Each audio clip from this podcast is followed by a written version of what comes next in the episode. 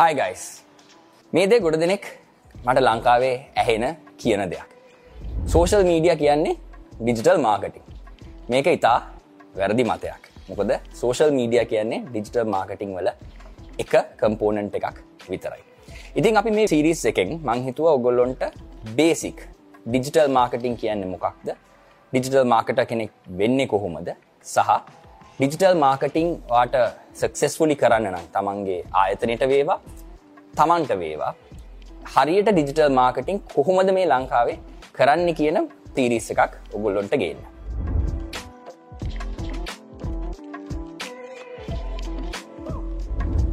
එක දෙයක් කියන්න ඕනේ. මේක මේ ඩිජිටල් මාර්කටිං ඔස්ථාස්ලට කරන විඩියෝ සිරිස් එකක් නෙමේ ඉතින් ගොඩක් වෙලාවට මං කතා කරන කොන්සෙප්ස් සංකල්ප ඉතාම සරල දේවල් වෙන්න පුළුවන්. ඒක ගොඩක් දුරට පටන්ගන්න එක්කනෙක්ට වැදගත් වෙන විදියට තමයි මං උගොල්ලොන්ට ගේන්න.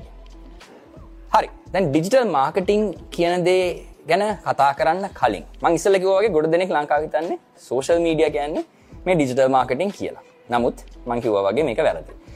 ඩිජිටල් මාර්කටිං ගැන කතා කරන්න කලින් අපි මුලින්ම හිතමු මේ ට්‍රඩිෂනල් මාර්කටිං කියන්නේ මොකක්ද අපි ගොඩාක් වෙලාවට ඉස්සර අපේ දෙමව්පියන්ගේ ජෙනරේෂන් එක කතා වෙච්ච දෙයක් තමයි මාර්කටිං කියන වචනේ ඉතාම සරල දෙයක්. ඒ කියන්නේ අපි ඒකට කියන්නේ අබබ්දලයි නැත්තං ATL ඇඩවටයිසින් කියලා. මේ ATL ඇඩවටයිසින් යටතේ ඇතුළත් වෙන දේවල් කිහිපයක් තියෙනවා. ඒක තමයි ටෙලිවිෂන් පත්තර බිල්බෝඩ්ස් රේඩියෝ ඔය වගේ අපේ සාම්ප්‍රදායික මාධ්‍ය තියෙන ඇඩවටයිසින් හෝ මාර්කටිං වලට තමයි මේ ට්‍රඩිෂනල් මාර්කටිං කියන්න. තව දෙයක් කියන්න ඕන. ලංකාවේ අපි ගොඩක් වෙලාවට මාර්කටිං සහ සේල්ස් කියන වචන දෙක පටලෝගෙන තියෙනවා.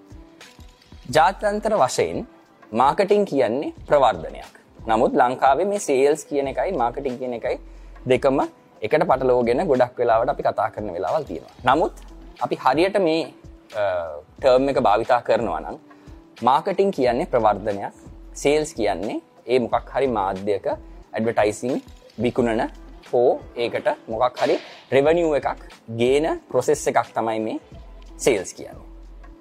හරි දැ මේ ඩිජිටල් මීඩිය කියන දේ විශේෂයෙන්ම ලංකාව මේ කෝවිඩ් පැන්ඩමික් එකත් එක්කම ගොඩක් කතා වෙන මාතෘකාවක් බවට පත්වෙලා තියෙනවා.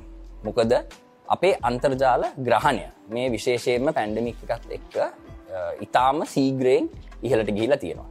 ද අපේ මිලියන විස්සක් විසි එකක් වෙන ජනගහනයෙන් ගොඩ දෙනෙක් දන්න දෙයක් තමයි අපේ සිම් මොබයිල් සිම් මිලියන තිහක් තියෙනවා. ඒ හා සම්බන්ධව අන්තර්ජාලය භාවිතා කරන පුද්ගලයෙන් මිලියන දහයකට ඉක්ම වූ ප්‍රමාණයක් ඉන්නවා මේක මේ ජනවාරි දෙදස් විසියක වෙනකොට. මගේ ප්‍රඩික්ෂන් එක තමයි විශේෂයෙන්ම මේ අවුද්ධ වෙනකොට අපේ මේ අන්තර්ජාල ඉන්ටනෙට් පෙනට්‍රේෂන් එක මිලියන දාහතරකට කිට්ටුවෙන ප්‍රමාණකට යයි එකන අපේ ජනගහනින් සියට පණහකට වැඩිය අන්තර්ජාලය භාවිතා කරනවා. දැ මේ ට්‍රෙන්ඩ එකත් එක්ක අපි දකින්න දෙයක් තියෙනවා. ඒ තමයි ගොඩා කායතන ගොඩා කම්පනීස් ඩිජිටල් මාර්කටිං වලට ලොකු ඇල්මක් දක්වන තමන්ගේ ට්‍රඩිෂනල් මං ඇතන් TV රේඩියෝ නිවස් පේපර්ස් කියන ඒ මාධ්‍යයට එගොලු දාන ඇඩවටිස්මන් ගොඩාක් වෙලාවට දැන් ගොල්ලො ඩිජිටල් මාධ්‍යයට දාන්න පෙළඹ වෙන ඉති මේහා සම්බන්ධව ඩිජිටල් මාර්කටින් නැතන් ඩිජිටල් මීඩිය කියන ෆිල්ඩ එකට එන්න ඔගෝට අදහසක් තියෙනවන ඔගොන්ට ලොකු ඔපචනිට එකක් තියෙනවා මේ හා සම්බන්ධව විශේෂයෙන්ම රැකයා සහ ඔගොල්ලොන්ට කරන්න පුළුවන් දේවල් ගොඩක් තියෙනවා මේ ඩිජිටල් මීඩිය කියෙන ෆිල්ඩ එක. ද මංකිව වගේ මේක ඉතාම සරලව මං ඔගෝන්ට පැහැදිලි කරන්න යන විඩියෝ සීරිස් එකක්. ඉති මේ හා සම්බන්ධ මං හිතුව මේ විඩියෝ එක මං ඔගොලොන්ට කියල දෙන්නම්.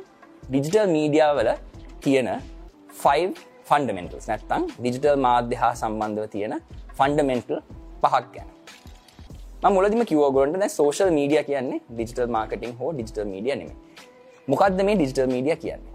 සහ මොකක්ද මේ 5 කම්පෝනන්ස් of ඩිජිටල් මීඩිය ඒ තමයි digital platform digital devices digital data digital technology සහ ඩිජිටල් මීඩිය කියන පහ. අපි බලමු මේ පහ හරියටම එකින් එක මොකක්ද කියලා. ඩිජිටල් ඩිවයිස් කියනදේ ඔගොල්ලො ගොඩ දෙනෙක් දන්නවා. මේ මුහොතෙත් ගොඩක් වෙලාට මේ විඩිය එක ඔගොලු බලන්නේ තමන්ගේ මොබයිල් ෆෝන් එක. ඩිජිටල් ඩිවයිස් කියන්නේ මොකක් හෝ මෙවලමක් නැත්තන් ඩිවයිස් එකක් පාවිච්චි කරලා අන්තර්ජහලේ ග්‍රහණය කරන ඒ ඩිවයිස් එකට තමයි ඩිජිටල් ඩිවයිස් එක කියන්නේ. සාමාන්‍යයෙන් අපි මොකක් හරි අන්තර්ජාලය භාවිතා කරන්නේ විශේෂයෙන්ම ලංකාවේ වැඩියෙන්ම 70%කට අධික ප්‍රමාණයක් මොබයිල් ෆෝන් වලින් ඉතුරු ටික ඩෙස්ක්ටොප් සහ ටැබ්ලට් පරිගණක වලින්. ඉතින් මේ ඩිජිටල් ඩිවයිස් කියන එක ඉතාම වැදගත්. මොකද මොන ඩිජිටල් මාර්කටිං කැම්පේනයක් කරන්න වනත් අපි මුලින්ම වටහා ගන්න ඕනේ අපේ ඕඩියන්ස එක ඉන්නේ නැත්නම් අපේ ඕඩියන්ස එක අපේ මේ මාර්කටිං කැම්පේනය ග්‍රහණය කරන්නේ මොන ඩිවයිස් එකෙන්ද කියලා. දෙවැනි එක තමයි ඩිජිටල් පලට්ෆෝර්ම් කියනදේ. මේක ගොඩ දෙනෙක් එදිනෙදා ජීවිතය අන්තර්ජාලය භාවිතා කරන දේවල් සාමානින් අපි බ්‍රව්ස එක කියන්නේ මොකක් හරි වෙබ් අඩවියක් ඇක්සෙස් කරන දෙයක්. ඉතින් අපි මේ ඇක්සෙස් කරන පලටෆෝර්ම් වලට තමයි මේ ඩිජිටල් පලටෆෝර්ම් කියන අපි ගොඩාක් දුරට ඩිජිටල් මාර්කටින් කැම්පේන්ස් කරන්න එක්කෝ. ෆස්බුක් හර Google හර YouTube හර ඉතින් මේ වගේ පලටෆෝර්ම්ස් වලට තමයි අපි මේ ඩිජිටල් පලටෆෝර්ම් කියන්න. තුන්වෙනි එක තමයි ඩිජිටල් මීඩිය දැන් ඩිජිටල් මීඩිය කියන්නේ ඉතාම පුළුල් පරාසයක් ඇතතේ අපි කතා වෙන දේවල්. මේ ඩිජිටල් මීඩිය කියන කම්පෝනන්ට එක ඇතේ ඇතුළත් වෙනවා email marketing search engine marketing digital advertising මේ ඔක්කොම ඇතුළත් වෙන්නේ මේ ඩිජිටල් මීඩිය කියන කම්පෝනන් එක. හතරවෙනි එක තමයි ඩිජිටල් ඩේට මේක ඉතාම වැදගත් දෙයක්. මොකද ගොඩක් වෙලාවට අපේ ට්‍රඩිෂනල් මාර්කටින් තන් ට්‍රඩිෂනල් මීඩිය වලින් ඩිජිටල් මීඩිය කියන දේ වෙනස් වෙන්නේ මේ ඩේට කියන දේ. ගොඩක් දුරට අපි පත්තරේ ඇඩ්ඩ ඇදම්ම අපි දන්න ඒ ඇඩ් එක කීදනෙ බලනවද කීදනෙ කියවනවාද ඒ ඇඩ් එක බල්ල කවරු හරි ගිහිල්ලා බාණ්ඩයක් ගන්නවද නැද්ද කියන එක අපිට සාමාන්‍යෙන් ට්‍රඩිෂනල් මීඩිය වල හවාගන්න බැහැ. නමුත් ඩිජිටල් මීඩිය වල මේක වෙනස් මොකද අපිට ඩේට කියන දේ තියෙනවා. ඒගැන්න මොකරි අපි ඇඩවටයිසිං කරනකොට ඒ හා සම්බන්ධව අපිට එන විවර්ශිප් එක ඒ හා සම්බන්ධව අපේ බඩුවක් ගන්නවද කවරුවාට ඒ ඔක්කොම අපිට ට්‍රැක් කරන්න පුළුව මේ මේකට තමයි ඩිජිටල් ඩේට කිය මම දකින විදිට ගොඩක් වෙලාවට ලංකාවේ ට්‍රඩිෂනල්ට ඩිජිටල් ට්‍රන්සිෂන් වෙන ඩිජිටල් මාර්කටර්ස් ලගේ එක දෙයක් තමයි ගොලට අමතක වෙන්න මේ ඩිජිටල් ඩේට කියදේ මොකද අපේ සියලුම ඩිජිටල් මාර්කටින් කැම්පේෙන් මේ ඩේට ඩ්‍රිවන්න නැතන් දත්ත හා සම්බන්ධ කැම්පේෙන් විය යුතු.